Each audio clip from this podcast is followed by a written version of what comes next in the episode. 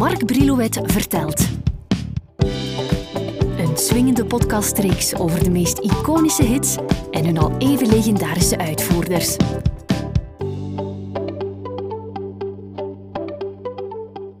Toen men in 2000 ging terugblikken op 100 jaar amusementsmuziek en ging peilen wie de mooiste zwarte mannelijke stemmen waren, kwam men uit bij Jackie Wilson, Marvin Gaye en Sam Cooke. Geef meteen toe dat iemand als Jackie Wilson hier bij ons in de lage landen niet meteen een belletje doet rinkelen, behalve dan via zijn hit Reed Petit. We kunnen hem, als je dat wil, eventueel in die lijst vervangen door Nat King Cole. Waarom niet? Marvin Gaye, dat is geen probleem, want die scoorde hier meer dan goed met I Heard It Through the Grapevine en Sexual Healing, dat hij nog in Oostende schreef. Sam Cooke valt qua hits in Europa ook nogal mee. Die kennen de meeste van zijn hits Everybody Loves to Cha-Cha-Cha en Wonderful World. En misschien ook van zijn allereerste hit, wereldwijd dan, You Sent Me. En daar wil ik het deze keer over hebben. Het is misschien goed en ook beleefd Cooke even aan je voor te stellen. Sam werd de 22 januari 1931 in Clarksdale, Mississippi geboren als zoon van Anna May en Charles Cook in een gezin van acht kinderen. Nadat de familie was uitgeweken naar Chicago, werd vader predikant in de Church of Christ Holiness en het was hier dat Sam zijn eerste noten mocht zingen. Toen hij negen werd, vormde hij samen met een van zijn broers en twee van zijn zussen het zanggroepje The Singing Children. Op de Wendell Phillips High School wordt zijn talent ontdekt door R.B. Robinson, bariton bij de Soul Stirrers. Sam wordt eerst ingelijfd bij de Highway QC's, een groep die de Soul Stirrers van nieuwe zangers moest voorzien. Hier kreeg je het gospelvak onder de knie. Sam had veel geleerd door aandachtig te luisteren naar de plaatopname van de Soul Stirrers. Vooral had hij daar veel gejat, om het wat grof uit te drukken, van de zangtechniek van een tenor R.H. Harris. De 28 juli 1950 zingt hij voor de laatste keer samen met de groep en wordt zijn plaats ingenomen door Sam. De 1 maart van dat jaar zingt Sam voor de eerste keer mee tijdens een opnamesessie in Hollywood. De meest opvallende opname die we hiervan onthouden hebben, is hun versie van Jesus Gave Me Water, een a cappella versie van die bekende gospelklassieker. Hun samenzang is zo perfect dat een instrumentale begeleiding gewoon overbodig blijkt. Voor de aardigheid even deze stokoude archiefopname. Oh, Jesus gave me water. Jesus gave me water. Jesus gave me water. I want to let his praises swell. Jesus gave me water. Jesus gave me water. Jesus gave me water. And it was not where there was a De komende zes jaar treden de Soul Stirrers op voor telkens een bomvolle kerk intussen bouwend aan een fenomenale gospel act. Sam's manager Bill Cook probeerde hem er stilaan van te overtuigen ook wereldlijke muziek te brengen. Maar die klonk in die dagen in de oren van de gospelliefhebber als the devil's music. Dus dat ging niet zomaar. Het was wel iedereen opgevallen dat tijdens de optredens van de Soul Stirrers er al maar meer jonge meisjes kwamen kijken. Niet zozeer voor de muziek, maar wel voor de knappe looks van Sam. Dus dacht zijn management dat er een pak geld te verdienen viel als ze Sam solo zouden laten zingen en zouden uitpakken met muziek die de teenagers vooral aansprak. Maar na die succesvolle Soul LP was Sam doodsbang om via die solo-uitstap het imago van de groep te schaden. Na lang aarzelen en veel heen en weer gepraat, waagt hij zijn kans en doet hij een beroep op songschrijver, arrangeur, producer en orkestleider Robert Bums Blackwell. Spits even goed je oren, die Bums had in de jaren 40 een jazzorkest met erin op piano Ray Charles en op trompet Quincy Jones. Maar hij keerde dat orkest de rug toe wanneer hij een job als producer en arrangeur krijgt aangeboden bij het specialty label. Hij zal hier onder meer samenwerken met Little Richard en Larry Williams. Intussen had hij dus ook Sam Cooke leren kennen. Onder de schuilnaam Cooke worden in de loop van 56 op het specialty label de nummers Lovable en Forever gereleased. De trouwe gospelfans die Sam's stem meteen hadden herkend, voelen zich bekocht door dat naamspelletje door Dale op de hoes te zetten en Specialty Records ziet zich dan ook verplicht de volgende single uit te brengen onder zijn echte naam Sam Cooke. Die naamwisseling was dus bewust gebeurd omdat men dacht als we er Dale op zetten, denken ze niet dat het Sam is en ja, dan zal niemand kritiek hebben op het feit dat hij van de gospel zomaar was overgestapt naar die wereldse muziek. Maar goed.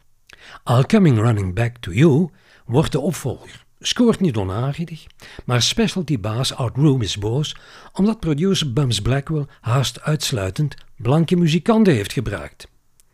Daar komt oneenigheid van en Bums wil niet meer verder werken met hen. Met het geld dat hij verdiend heeft met de Little Richard opname koopt hij Sam Cooke weg bij Specialty en brengt hem onder bij het platenlabel Keen. Dat label was net opgericht door een rijke industrieel uit Los Angeles die gek was van muziek en zijn centen in een platenlabel wilde stoppen. Verantwoordelijke voor het aantrekken van artiesten en het selecteren van een repertoire wordt Bums Blackwell. Twee jaar eerder had Sam Cooke in alle bescheidenheid op zijn akoestische gitaar een nummer als demootje opgenomen. Hij had het ook zelf geschreven. En hij had dat graag door zijn jongere broer LC laten inzingen. Die versie wordt in de maand december van 56 in New Orleans ingeblikt. Maar Bams die beslist dat Sam het opnieuw moet inzingen. En die versie wordt de 1 juni van 57 in de Radio Record Studio in Hollywood opgenomen. Het mag wat voller klinken dan die eenvoudige demoversie.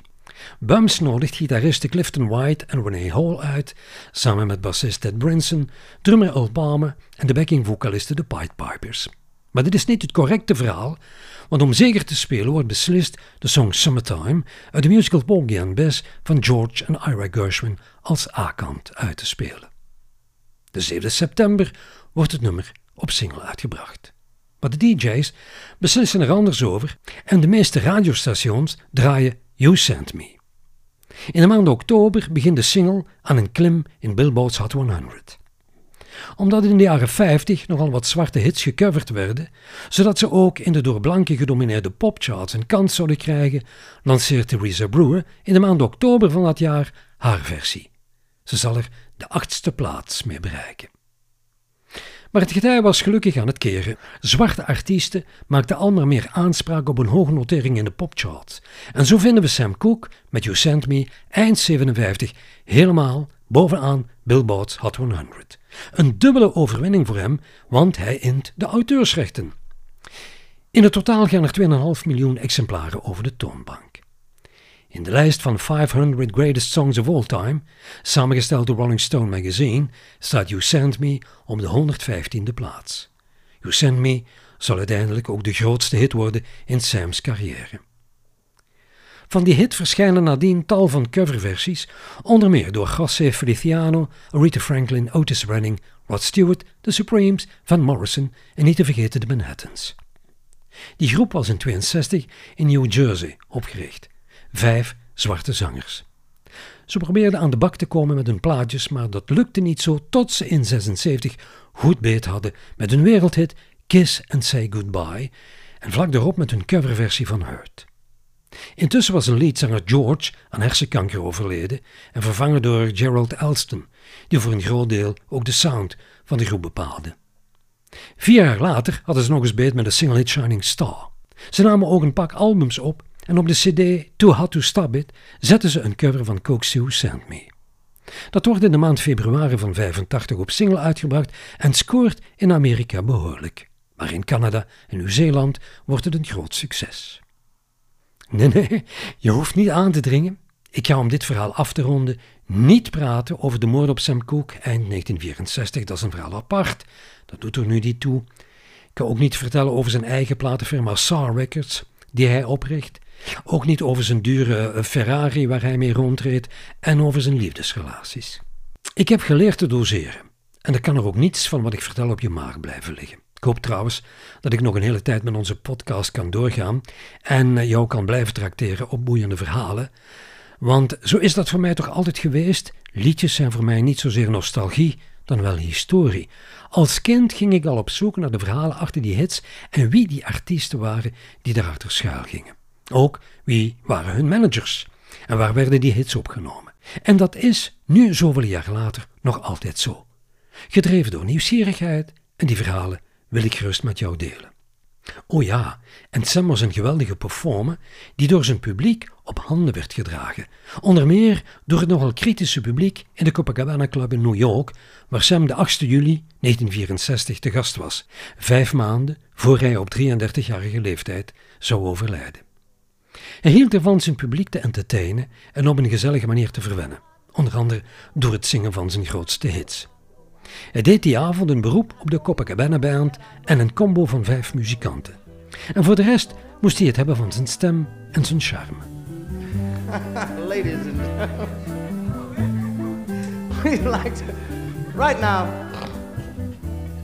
right now, we'd, so we'd like to uh, put together medley, medley of songs for all the, all the, all the gentlemen in the house tonight. All the gentlemen. Because by observation, we found out that we gentlemen, every now and then, have a tendency to sort of uh, neglect the ladies. So uh, I tried. Observation, baby. You know? so take heed, gentlemen. Take heed. Here's what we want to tell you. This, this. Says very simply that the oh, she may be weary. En dit wil ik ook nog vertellen. In de loop van de maand januari van 86 wordt Sam Cooke in de Rock and Roll Hall of Fame in Cleveland, Ohio opgenomen. Vier maanden later, 22 jaar na zijn dood, staat Sam Cooke met de dubbele verzamelaar The Man in His Music op plaats 23 in de Engelse top 40.